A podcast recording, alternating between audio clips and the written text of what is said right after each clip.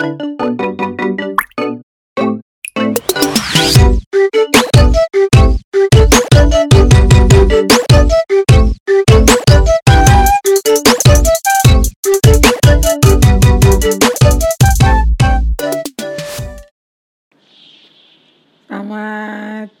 apa? Selamat, pagi, selamat siang, selamat sore, selamat malam. Bagi yang mendengarkan pagi, selamat pagi. Bagi yang mendengarkan siang, selamat siang. Bagi yang mendengarkan selamat sore, eh sore, Iya. selamat sore. Bagi yang mendengarkan malam, selamat malam. Selamat tidur juga bagi yang udah mau tidur dengerin ini. Jadi, kita kita, apa kita? Jadi mau ngomongin apa nih? ngomongin soal quarter life crisis.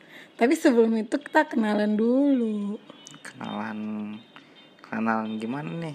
Kita kan baru kenal. Ih, gak jelas. Kenal sama yang dengerin lah. Namanya situ siapa? Panggil aja Goter dari Mister. Jadi Ter. Iya. Nama gua Morita bisa dipanggil Mor aja dah. Oke, Ya udah Ter. oke. Sekarang kita udah kenalan. Jadi kita masuk ke topik masalahnya. Iya, topik apa dulu ini? Tadi lu bilang sendiri quarter life crisis. Kali aja lu lupa kan? Wah, gua nggak pikun kali. Ya udah kali aja lu pelupa, ekstra pelupa kayak bukan kayak gua. Oke, jadi apa tuh quarter life crisis? quarter life crisis itu suatu fase di mana lu em, menganggap diri lu kayak gimana tuh? Menurut lu gimana? Ya, lu lanjutin. gimana mau sih? ngomongnya tapi nggak tahu masalahnya gimana. tahu ya itu di, Pengertiannya apa? ya pengertian quarter life crisis itu ya fase di mana lu ngerasa diri lu nggak apa-apa. Kayak Berarti sering baik-baik aja. ya nggak baik lah. Di mana lu dihadapin fase yang kayak lu beda aja gitu sama lingkungan. Dan terus lu suka banget ngebandingin bandingin kehidupan lu sama orang lain. Kalau lu gimana? Oh, jadi maksudnya di fase merasa diri lu bukan apa-apa, ya gitu. Nggak punya kemampuan apa-apa buat menuju ke satu tujuan gitu. iya. Terus lu ngebanding-bandingin sama orang lain, tapi lu nya cuman diem doang, nggak ngelakuin apa-apa. ya kadang ada yang ngelakuin sih kayak pengalaman gue gue kan pernah ngelakuin juga berikan action yang lebih untuk menghadapi life quarter life crisis gue tuh. Kita singkat aja ya. Jadi apaan? QLE, apa? Q? QLC, yang singkat aja. KLC aja dah. Kan ribet Q. apa Q? Susah K banget. sama Q beda kali. kan pakai bahasa Indonesia aja krisis gak usah pakai Q sosokan Inggris lu Quarter, Ya udah kan perban quarter. Iya quarter. Apa ada quarter? quarter itu seperempat. Iya seperempat. Perempatan kan. Belok kanan ke masjid, belok kiri. di depan ibu rumah ibu Aji Iya Bu Haji Ani. ada baliho gede iya yang caleg itu. udah dicopotin sekarang iya. Mungkin gak jelas. Jadi eh, fase di mana itu ya. Lu pernah ngerasain gak? gue belum pernah ngerasain sih Nah lu kan yang pernah jadi lu bisa jelasin kan contoh-contohnya gimana Ya kalau gue sih kayak fase ya di mana kan gue baru bukan baru sih tahun kemarin kan gue kelar studi tuh S1 ya. Kan lu belum. Jadi lu ya santai lah bentar lagi palingan lama nungguin setahun lagi. Kan enggak bentar lagi pokoknya ya udah. Eh, jadi eh, fase di mana gue tuh kelar studi kan. Terus pas kelar studi itu gue mikir tujuan hidup gue itu apa dan keinginan gue itu apa. Jadi nih gue kasih gambaran. Kan keinginan gue tuh pengennya itu gue kelar sekolah, gue harus jalan-jalan dulu. Ya, karena keinginan gue nggak tersampaikan buat jalan-jalan. Jadi gue tuh mikir mikir mikir mikir mikir terus nah saking gue mikir gue nuntut keadaan gue bisa biar biar bisa jalan-jalan tapi pada kenyataannya gue nggak bisa jalan-jalan ada beberapa faktor yang melatar belakangi biar gue nggak bisa jalan-jalan nah itu sih yang bikin gue kepikiran. Terus satu lagi gue kan sering bikin goals kehidupan gitu kan. Terlalu goal gitu ya? Ya nggak life goals gitu. Maksudnya gue suka bikin kayak tahun ini gue harus capai tujuan apa gitu.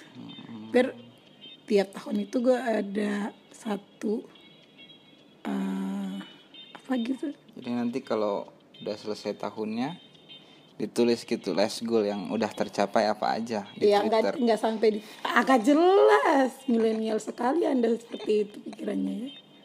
Yang nggak gitu maksudnya.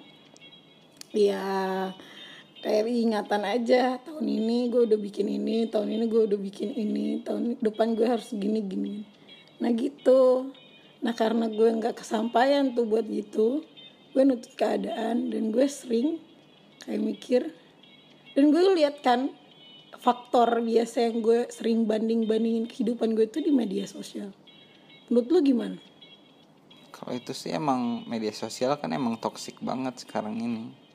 Jadi bikin banyak penyakit dari media sosial. Ada kecemburuan sosial. Terus banyak deh pokoknya. Termasuk juga quarter life crisis juga bisa jadi penyakit yang berasal dari media sosial itu ya itu kalau gue sering scroll timeline Instagram ya pas hashtag traveling gitu pasti semua muncul travelingnya di situ tuh gejolak-gejolak diri gue tuh mesti nuntut gue harus jalan-jalan. Indonesia terlalu gini gini gini. Apalagi tuh. Jadi lu mau pergi ke sana ke sini ke sana ke sini tapi nggak ada budgetnya ya? Iya maksudnya gue tapi sebelumnya tuh kan gue mikir ada tuh orang lain yang gak ada budgetnya tapi dia bisa jalan-jalan. Nah gue tuh pengen kayak gitu. Tapi keadaan memaksa gue nggak nggak mesti gitu. Jadi nekat traveler gitu. Iya. Tapi nggak ada persetujuan dari yang atas. Atas siapa? Ayo. Ya yang lebih tua gitu. Siapa? Orang tua deh. Iya gitulah. Terus itu juga sih. Kan gue anak cewek. Jadi buat dikasih izin ke mana-kemana gitu ya susah. Kalau lu sendiri emang sejauh ini lu nggak pernah eh, apa gitu kayak sering ngebandingin kehidupan lu sama orang lain? Nggak ada sih.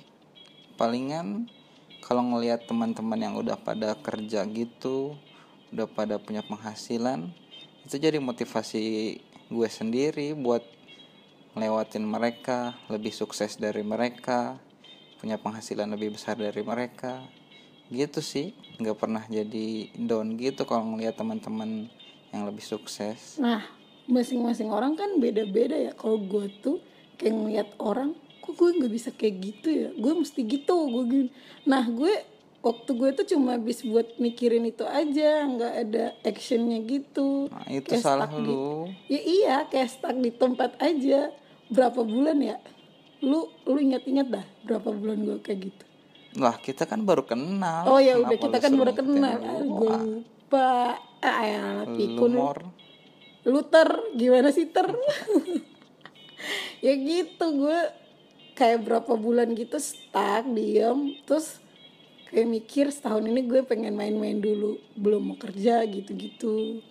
Tapi karena ada tuh yang pernah gue denger informasinya kita mau mau gimana ya mau hadepin quar- quarter crisis life itu. Quarter life crisis Quarter- kali. Oh iya itu dah pokoknya selalu. Itu ya jalan-jalan jadi lebih mendorong gue mesti jalan-jalan gitu. Jadi sekarang pilihan lu udah nggak jalan-jalan lagi? Ya enggak lah gue harus hadapin realita yang ada di depan gue jadi sekarang kesibukan lu bukan nggak jalan-jalan? Udah enggak jadi goals gue buat jalan-jalan tuh udah luntur dengan sendirinya. Udah sirna. Jadi Udah nggak bakalan luntur. jalan-jalan lagi nih. Bakal tapi nanti ya belum sekarang. Terus menurut lu tuh quarter life crisis di usia berapa sih biasanya terjadi?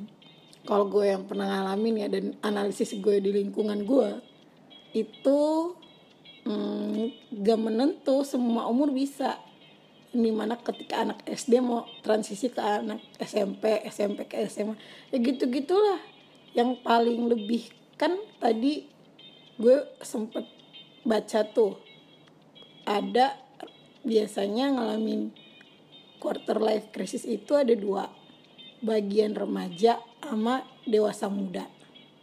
Kan remaja itu kan di umur dari 8 sampai eh, 1 sampai 11 eh Lap- 7 15 ya gitu dah. Itu kan lu ingat. Terus ada fase di mana lu di de- dewasa muda. Nah dewasa muda itu ya sekarang yang gue alamin ini struggle struggle kehidupan yang gue dapat paparan paparan dari tekanan lingkungan tekanan keluarga gitu gitu dah.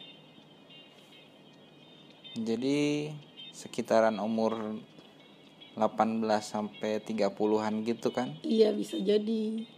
Jadi apa? Gue lupa dah. Gue bilang belum belum anjir. Belum apa Bahasa apaan tuh beleng? Blank apa? mulai dah. Keluar gorontalonya guys. No, no. terus menurut lu cara menghadapinya gimana? Kan lu yang udah ngelewatin tuh. Hmm. udah ngelewatin quarter life crisis udah sukses buat ngelewatinnya kan. Menurut lu buat teman-teman yang ngedengerin kita di sini coba tips-tipsnya kasih dong. Ya yang intinya gue ngelewatin ini ya quarter life crisis itu yang paling pertama itu support system sih. Hmm, lingkungan lu dukung apa enggak? Nah tapi tergantung lu sendiri kayak gue kan gue cerita sedikit pengalaman gue. Gue tuh kan punya mimpi tuh kelar kuliah gue pengen jalan-jalan terus habis jalan-jalan gue lanjut studi lagi. Buat cita-cita gue ke depan kan gue punya cita-cita yang di mana gue ingin mencerdaskan kehidupan anak bangsa biar lebih ber apa ya berapa? Berpendidikan. Iya nggak berpendidikan juga terus maksudnya ber, bermola moral. bermoral terus kayak lebih bisa lebih kritis lebih inovatif dan gitu-gitu bisa lebih banyak mikir gitu daripada nunggu disuap dulu. Kayak gitu pokoknya gue pengen mencerdaskan kehidupan bangsa dah tujuan jadi dosen nih ya bisa jadi. Soalnya kan ya gitu dah pokoknya makin panjang ceritanya kalau gue cerita lagi. Terus ah sampai mana tadi lu, tips-tips lu ah ya iya. buat ngelewatin life quarter eh kebalik quarter life crisis. Ya gitu. Terus kan gue pengen itu kan pengen sekolah. Itu goals gue. Tapi keadaan gue memaksa. Gue nggak gue nggak bisa. Ada beberapa faktor. Contoh keuangan. Kan lu kalau studi jalan-jalan pun pasti butuh duit kan? Mm-mm. Lu nggak mungkin nekat jalan gak ada duit. Bisa aja sih. Terus? Cuman beberapa orang tertentu yang bisa ngelakuin. Iya dan itu nggak termasuk gue Hmm, terus? Terus? Terus gue ngadepin itu kan. Nah gue mikir pertama. Gue harus hijrah nih. Gue nggak harus stuck di kota ini di hijrah jadi yang lebih berkerudung tertutup gak gitu. jelas gak gitu gak gitulah. Mana ada gue pakai kerudung panjang. Gak deng gak deng takut gue di boykot orang-orang yang berkerudung panjang. Nanti ditit aja tit. Nanti ditit ya bagian editor please. Lu kan editor tit ya. Jangan lupa ditit terus oke oke lanjut lanjut. Oke hijrah gimana maksudnya nih? maksudnya gue hijrah dari tempat eh, kelahiran gue di Gorontalo gue hijrah ke ibu kota nih. Cie biar anak urban. Gue ke sini niatnya cuma enggak deng. Gue bohong dulu. Gue bohong dulu ke sini. Tapi sebelum gue ke sini itu gue ngadepin struggle struggle yang banyak. Mulai dari lingkungan keluarga gue lingkungan pertemanan gue nah di mana yang yang emang pas banget sih lingkungan lingkungan pertemanan gue tuh emang lagi sakit lagi nggak baik. Hmm, Ya, jadi yang mendukung gue lebih uh lu emang. Jadi kayak toxic relation- relationship gitu. toxic. Toxic. toxic. Iya maksudnya nggak toxic relationship juga. Maksudnya jadi kayak lu emang pas buat kena nih quarter life crisis lu emang pas. Kan yang gue baca tuh pengaruh dari apa quarter life crisis itu kan itu lingkungan lingkungan keluarga pertemanan Iya, berpengaruh itu. lu gitu-gitu. Jadi emang lagi pas-pasannya gue eh, lagi ya gitu lagi miss sama teman-teman gue terus Jadi lu? Gue kepikiran lah gue nggak dapat support gitu. Jadi lu cabut dari sana. ya nggak alasan utama gue cabut gara-gara itu juga. Kan ada beberapa faktor nah terus gue mikir kan gue kan sering lihat tuh di media sosial macem-macem. Kayak orang ini bisa sukses di gini orang bisa sukses gini-gini. Nah gue tergugah lah rasa itu. Karena gue kan sering bandingin kehidupan gue sama orang. Nah itu sih yang termasuk quarter life crisis ngebandingin kehidupan gue sama orang lain. Masa gue di sini sini aja? Masa gue bisa masa dia bisa gitu terus gue gak bisa gitu? Gitu. Gue jatuhnya lebih ke gitu tapi kayak nempel di otak gue mesti gitu gitu. Tapi gue nggak bikin action. Nah kebetulan kan gue ikut itu ya rekrutmen PNS Oh yang tahun kemarin itu ya Iya. akhir tahun. akhir tahun itu Terus terus. Terus terus gue em, ikut kan gue ikut itu. Terus nggak taunya gue lulus. Nah yang pinternya gue akal bulusnya gue gue daftar itu di ibu kota. Dan gue ada alasan gitu ke sini. Hmm, Nah. emang udah direncanain mateng-mateng ya. iyalah enggak. Ya mateng semateng matengnya cuma. Udah gosong. Ih, nggak gosong maksudnya. Pokoknya gitu dah terus udah gue udah udah milih buat ikut PNS dan ternyata gue lulus dan gue harus dan gue dipaksakan buat berangkat Ujian kan. ujian mengujiankan diri apa dah Ujiannya ikut kan di ujian. Jakarta Iya, kan. ujiannya di Jakarta, di Kalibata. Ya gue harus memberanikan diri lah dengan seluruh apa? Dengan seluruh rencana gue yang dipikir mateng-mateng di daerah gue, gue mesti usaha gini. Lu tau nggak gue sempet bikin usaha. Itu gue udah udah mati-matian bikin usaha itu mikir gini-gini. Bayangin udah ada semuanya, tinggal jualan doang Terus nggak dilanjutin. ya enggak lah orang gue mesti gue milih skala prioritas gue jadi gue harus berangkat gue tinggal semua itu yang di, di daerah gue Kan lu bisa usaha di ibu kota, malah lebih banyak peluangnya kan. jadi ke- udah tahu bagasi udah mahal terus gue bawa lagi yang itu itu sprintilan males banget Tahun lalu kan belum ada Bekasi dibayar-bayar. Eh Bekasi. apa Bekasi Bagasi. bagasi kan belum dibayar tahun lalu. ya iya sih Nanti awal cuma tahun ya 2019 emang ini emang aja. dasarnya gue males ribet ya ya udah gue bawa aja baju seadanya gitu-gitu. Tanpa ada kepikiran buat pindah. Gue cuma mikirnya tuh udah gue jalan-jalan aja dulu. Sekalian gue cari hiburan aja di Jakarta. Hiburan apaan dah? Nggak ada hiburan. Emang gue macet semua yang ada. makanya Terus udah gue landing di Bekasi Cibu Cibitung. Eh terus gue landing di, di Bekasi dong. Gue stuck di situ dua bulan ya.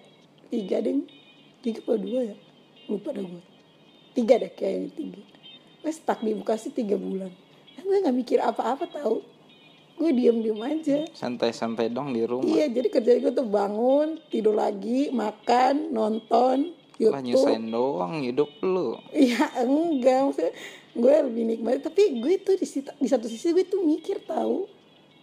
Nah, Kira apaan? mikir kehidupan gue. Di satu sisi tekanan orang tua gue kan anak gini. Di situ kan gue bikin goals baru tuh. Ya udah gue udah sampai di Jakarta nih. Oh, Tiga bulan berarti udah tahun baru kan itu. Iya. Wih, eh pas-pas juga ya. Pas banget. Jadi goals baru di goals tahun baru, baru. goals baru di tahun baru. Nah kita harus bikin satu buku. Gue kan lu tahu sendiri gue suka nulis. Gue nggak tahu, gue baru kenal sama lu. Oh iya, lu tahu, lu harus baca blog gue sih. Hmm, apaan emang blognya? Ini ya udah gue sekalian promosi dah rumah batin ya udah rumah batin 21 gue kan suka nulis nulis terus gue dapet eh, orang yang baca tulisan gue tuh kayak seneng gitu jadi gue ada dorongan buat tulis buku. Nah gue Hmm, percaya ada diri gitu ya iya ada feedback. Jadi katanya ih kena banget gini kayak gue gini jadi sebagai penulis yang ditulis ini itu gue rasa seneng lah. Gimana coba karya lu dihargain diapresiat oleh orang? Seneng banget sih itu. Makanya ya udah. Gue harus ngeluarin buku. Eh nggak taunya nggak jadi keluarin buku. Gue malah habis pikir gue cuma kepikiran aja gue waktu gue habis buat mikir aja kehidupan gue sebenarnya tujuan hidup gue apa sih? Sebenarnya gue tujuan hidup gue cuma eh, nyelesain bakat-bakat list gue apa gue nyenengin orang tua gue di situ berarti quarter life crisis lu nimbul lagi di situ? Iya, kan quarter life crisis gue numbuh di Gorontalo tuh, udah, udah ketutup sama gue yang di Jakarta. Nah, gue sampai di Jakarta ternyata gue ngalamin lagi dong. nah terus terus Nah terus, udah tujuan hidup gue gue mikir terus gue harus gue hidup di dunia ini, gue dilahirin orang tua gue ini. Apakah gue harus senengin orang tua gue apa diri gue sendiri? Nah di situ tuh gue mulai mikir mikir mikir mikir. Ya udah karena nggak tahu deh Tuhan kayak kasih gue jalan satu buat menjajaki pekerjaan. Nggak tahu deh itu pekerjaan datang ke gue sendiri tahu. Udah gue jalanin. Pertama gue nggak ikhlas ya karena goals gue belum tercapai. Gue ke Jakarta jauh-jauh buat jalan-jalan dong, bukan buat kerja. Siapa coba yang kepikiran gue buat kerja? lah kebanyakan orang sih ke Jakarta ngadu nasib Ya, kalau nyari gua- uang nyari penghasilan buat kehidupannya Kalau gue kan enggak. Gue kan tujuan awal gue ke ibu kota eh buat gue jalan-jalan doang satu pintu buat menuju langkah ke banyak pulau yang gue harus jajaki. kan kalau gue di Sulawesi terkukung tuh di situ aja. Terus eh gue mikir Gorontalo gue udah nggak ada temen gitu-gitu. Ya udah gue cari temen aja dari Jakarta gitu-gitu. Ya udah. Nah di satu sisi gue ini kan kayak bimbang gitu. Gue udah keterima kerja nih. Tapi nggak bisa jalan-jalan iya gue nggak bisa jalan-jalan. Hmm, jadi terkukung lagi di lagi ter ah, iya bener tuh gue kepikiran lagi pokoknya yang intinya quarter life crisis kalau menurut gue tuh ya tuh punya apaan tuh udah biarin aja sih lanjutin. Ada. Terus i- di mana quarter life crisis itu fase di mana lu akan ngalami perubahan. Kayak di tempat lu lu mau pindah ke tempat satu lu pasti ada perubahan yang lebih kan? Iya. Kalau gue sih kalau gue sih termasuk tipe orang yang selalu mikirin itu belum terjadi ke gue tapi gue udah bisa gambar-gambar gitu ke depan. Ya udah gue keterima kerja alhamdulillah gue keterima kerja. Tapi dengan rasa yang menggerutu tau nggak sih? Kan kalau orang keterima kerja seneng gitu. Iya. Tiap bulannya dapat ker- dap- dapat uang bulanan. Uang gajian. Iya uang gajian. Gitu-gitu lu bisa nyenengin diri lu sendiri sama gaji lu sendiri. Tapi di satu sisi orang tua gue seneng banget tahu denger gue udah kerja gini-gini. Nah di situ tuh gue struggle lagi. Hmm, gue ngadepin quarter lagi. Transisi antara gue bahagian hidup gue sendiri apa kebahagiaan hidup orang lain coba. Ribet banget ya hidup lu mikirin kehidupan ya ke gitu. Lu nyiptain sendiri berarti kan quarter life crisis lu. Ya emang sih emang quarter life crisis diciptain dari diri sendiri. Kalau tanggapan lu gimana Jadi menurut gue sih quarter life crisis itu diciptain oleh diri sendiri yang ngelesain juga diri sendiri dengan bantuan sedikit dari orang lain atau dari lingkungan. Gitu sih menurut gue Nah, dari lu yang belum pernah ngerasain quarter life crisis, lu ada itu lain nggak? Kayak gue kalau ngadepin gue mesti gini gue mesti gini gue mesti gitu apa gimana kalau gue sih hidup positif aja sih biar nggak nggak sampai ngelewatin masa-masa itu. Tapi kalau ngelewatin ya tetap berpikiran positif hidup positif. Tagline lu ya? Enggak. Terus? Cuman pengen ngomong aja gitu kayaknya keren. Terus jadi kalau kehidupan gue yang kepikiran yang selalu kepikiran kehidupan gue itu apa cocoknya tagline apa berpikir keras. Gitu kali. Enggak work hard play hard. Boleh juga tuh. Tapi kan udah ada yang make. Siapa? Naik kali. Udah gitu dah. Jadi kalau menurut gue untuk hadapin quarter eh, quarter life crisis. Ya gitu. Setrika dulu lidah lu. Enggak gue nggak suka di setrika gue suka di aspal. Ya udah lanjut. Gimana? Tahu dong gue lagi dulu. jadi kalau menurut gue sih iya lu nyelesain quarter life crisis lu. Dengan cara? Dengan cara lu lebih kalau gue sih ke support system. Hmm, jadi bantuan gitu. Iya ada bantuan dari pihak eksternal sama internal kita. Nah, terus kalau dari perspektif lu gimana? Kalau dari perspektif gue sih karena gue belum ngejalanin dan belum ngedapetin quarter life crisis itu jadi gue belum bisa berpendapat apa-apa sih. Jadi gue masih belum berpengalaman di situ aja masih kurang dari lu gitu. Jadi gue nggak nggak bisa berkasih pendapat apa-apa. Kalau lu yang mandangin gue yang ngadepin quarter life crisis gimana? Kalau gue sih kasihan sama lu. Anjir. Kok jadi jatuhnya kasihan sih? Tapi bangga juga sih sebagai orang yang dari pulau yang nan jauh di sana. Menjauh biasa aja kali orang tiketnya cuma 2 juta dari sana ke sini. Wah itu mahal kali. 2 juta tuh bisa buat pergi ke luar negeri kalau dari Jakarta. Ya itulah namanya juga perjuangan ya. Nah makanya kan sampai di Jakarta udah dapat kerja. Udah hebat aja sih gue pandang lu. Ya lu juga sih kalau ya nggak tahu deh orang ngadepin quarter life crisis itu masing-masing dan beda-beda. Ada tuh gue ambil contoh anak SMA yang mau masuk kuliah. Lu nggak ngerasain itu nggak? Kalau gue sih ngerasain banget ya. Itu ngadepin gue mungkin tiap ngadepin satu fase perpindahan gue pasti ngerasa ada krisis dari situ kayak gue aja transisi dari SMP ke SMA gue mikir gue ke mana gitu-gitu. SMA ke kuliah juga gue mikir kalau lu gimana sih? Nggak sampai nggak kepikiran. Ya gitu. Gue sih liat it flow aja. Kalau ada yang kayaknya seru di sana ke sana. Kalau ada yang kayaknya bagus tuh ya udah ke sana. Udah gitu-gitu aja sih. Nggak pernah kepikiran ke depannya jadi gue gambling aja. Ke depannya tuh gimana? Nggak pernah mikirin dari sekarang buat ke depan. Gitu sih. Ya masing-masing orang kan beda-beda juga sih. Kalau gue kan tipe orang yang selalu mikirin gue oke ke depan gue harus gimana? Oke ke depan gue harus gini ke depan gue harus gitu.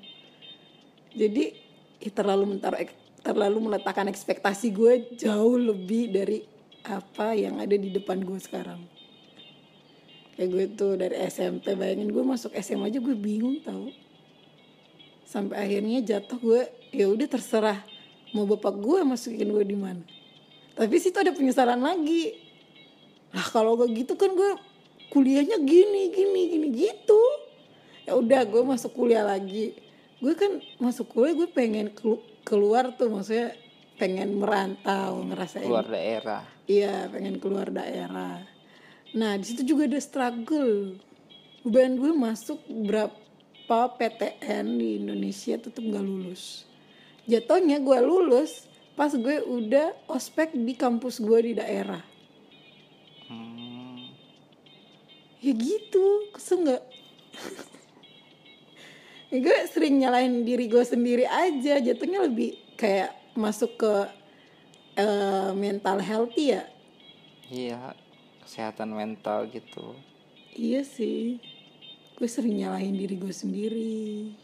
Nggak baik juga sih gitu. Harus dihindarin yang gitu-gitu dijauh-jauhin. Jadi berpikiran positif aja. Kayak lu bilang tagline gua berpikir positif. Terus menurut lu kalau uh, quarter life crisis, gue ngadepin quarter life crisis ya. Terus lu bakal ada potensi buat dapet juga nggak?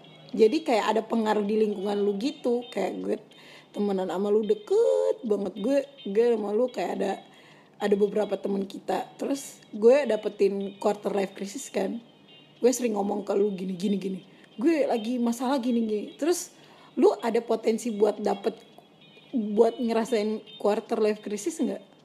Kalau menurut lu ya? Kalau menurut gua sih pasti ada sih. Kan lu bilang sendiri quarter life crisis kan bisa dapetin siapa aja. Apalagi gue kan masih muda banget. Sama kayak gue dong.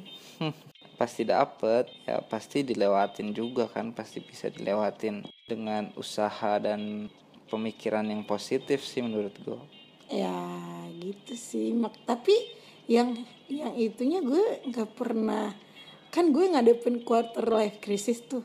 Nah gue lihat lingkungan gue nggak ada deh yang kayak gue. Mikirnya sampai nyalahin diri gue sendiri jatuhnya lebih mental mental gue gak sehat gitu-gitu. Bukan lu nggak ngeliat sih. Emang orang-orang lain aja nggak kasih lihat ke lu kan? Nggak semua permasalahan orang lain harus kelihatan di luarnya pasti ada yang disembunyiin Nah, gue juga sih sebenarnya gue nggak sering apa ngeliatin gue lagi ngadepin quarter life crisis lo gitu-gitu. Ya enggak. Gue juga sih nggak pamer-pamer quarter life crisis gue ke orang. emang gitu coba aja kayak contohnya nih kayak Instagram nggak bakalan kan lu kalau susah-susah mau ngepost di Instagram Ada pasti tahu yang kayak gitu. pasti cuman yang baik-baiknya aja Ih, tapi ada tahu yang buruk-buruknya ditaruh di situ di medsos. Berarti pertemanan lu kurang. iya kali followers sama following gue cuman dikit ya gitu kalau gue kan gue sering lihat kayak orang tuh sedih banget gitu-gitu jadi gue kayak eh, aware gitu sama orang-orang yang ya tapi kehidupan gue juga menghasiankan. Maksudnya nggak menghasiankan juga. Mengati olok kan bagaimana ya? Memprihatinkan dengan keadaan gue yang sekarang. Tapi ya disyukurin aja dah. Ya selama kalau gue ya saran kalau buat lu lupa yang ngadapin quarter life crisis lu harus pandai bersyukur dah. Harus tahu kata cukup itu bagusnya di mana kalau lu nggak ngerasa cukup kalau lu nggak bersyukur lu pasti bakal nuntut diri lu tahu dan itu bisa bikin lu toxic gitu. Hmm, bener tuh. Pokoknya kita harus banyak-banyak bersyukur aja. Jangan kebanyakan lihat ke atas deh lihat juga ke bawah. Pasti banyak juga yang di bawah dari kita. Nah, yang satunya juga pen- penting nih, lu harus berani cerita.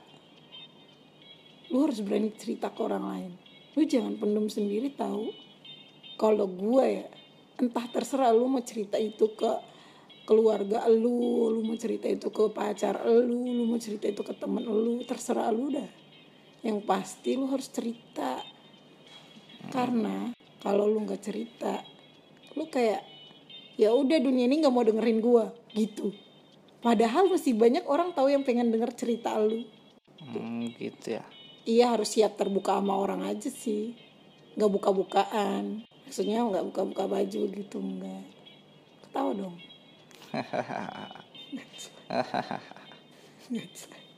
Ya gitu maksudnya pikirannya mesti terbuka nggak nggak nggak kepikiran eh, dunia nggak mau dengerin lu. Padahal nggak dunia itu mau dengerin lu. Kan sekarang udah banyak tuh kayak em, ada lembaga-lembaga yang buka kayak lebih sesi sharing gitu. Coba deh lu ikut-ikut yang gitu-gitu. Tapi lu nggak ngadap nggak belum ngadapin quarter life crisis. Jadi lu nggak Gak usah buat gue, buat pendengar aja. Ya udah buat pendengar. Lu coba ada browsing. Gue pernah tuh dengar eh, ada layanan itu udah ada di Instagram udah ada di Twitter ya bagi yang suka main Twitter juga ada. Itu jadi kayak mental healthy gitu. Lu bisa sharing cerita lu nanti situ bakal didengerin dan bisa dikasih apa? Bisa dikasih solusi, Solusi, iya. jalan keluar, gitu-gitu. Dari masalah-masalah punya lu. Jadi lu nggak terbebani sendiri, lu bagi-bagi beban lu, jadi nggak berat banget. Mm-mm, makanya. Jadi sampai situ aja nih obrolan kita. Iya, pokoknya gue kasih saran ya kepada orang-orang yang dengerin cerita gue itu sebagai bahan pembelajaran lu nggak sendiri dah, lu masih ada, Masih banyak orang yang peduli sama lu. iya masih banyak orang yang peduli sama lu. Ya dunia nggak bakal tutup telinga sih kalau lu ngomong. Dunia mau dengerin juga kok, cuma lu nya aja sih yang terlalu tertutup sama dunia. Lu nganggep diri lu lebih menghasihankan gitu-gitu. Jangan. Kasihan diri lu jatuhnya di mental healthy. Lu harus pintar ngelola emosi lu, pintar bersyukur sama pandai berterima kasih sama diri lu sendiri sih. Jangan lupa sih itu. Lu harus berterima kasih sama diri lu sendiri. Kalau lu nggak berterima kasih diri lu, pasti lu ngerasa gue nggak cukup gitu gitu gitu. Lu sih ngomong nggak pernah ngalamin. Ih jujur males banget.